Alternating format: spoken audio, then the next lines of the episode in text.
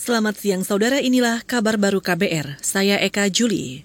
Kementerian Keuangan akan mengkaji insentif pajak bagi wajib pajak yang terdampak COVID-19. Direktur Jenderal Pajak Kementerian Keuangan, Suryo Utomo beralasan pemanfaatan intensif pajak menurun seiring melandainya kasus COVID-19 pemanfaatannya mengalami pelandaian sampai dengan Juni 2022 ini. Jadi kami terus melakukan kajian apakah akan dilanjutkan atau akan kita uh, selesaikan di uh, batas waktu PMK 3 dan juga PMK 226 yang uh, disampaikan tadi. Itu tadi Dirjen Pajak Kementerian Keuangan Suryo Utomo. Sebelumnya, insentif pajak termaktuf dalam Peraturan Menteri Keuangan. Kebijakan insentif pajak itu akan berakhir bulan ini. Sesuai peraturan Menteri Keuangan, ada tiga jenis insentif pajak yang diberikan, antara lain pembebasan dari pemungutan pajak penghasilan untuk 72 klasifikasi lapangan usaha. Kita ke soal lain.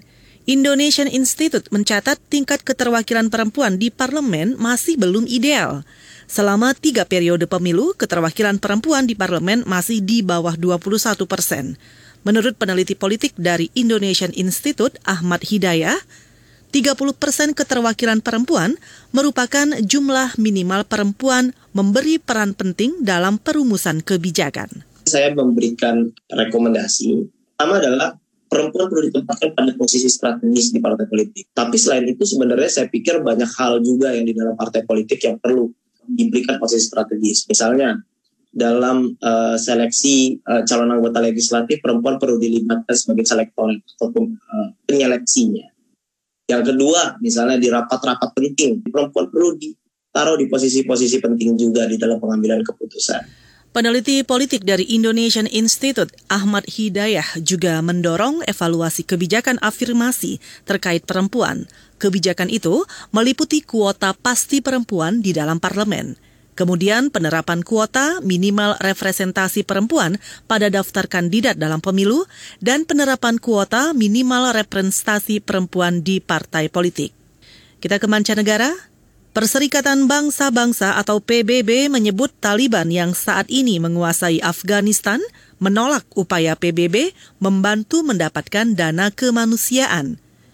Kepala Bantuan PBB Martin Griffiths menyebut Taliban mengganggu pengiriman bantuan ke negara itu.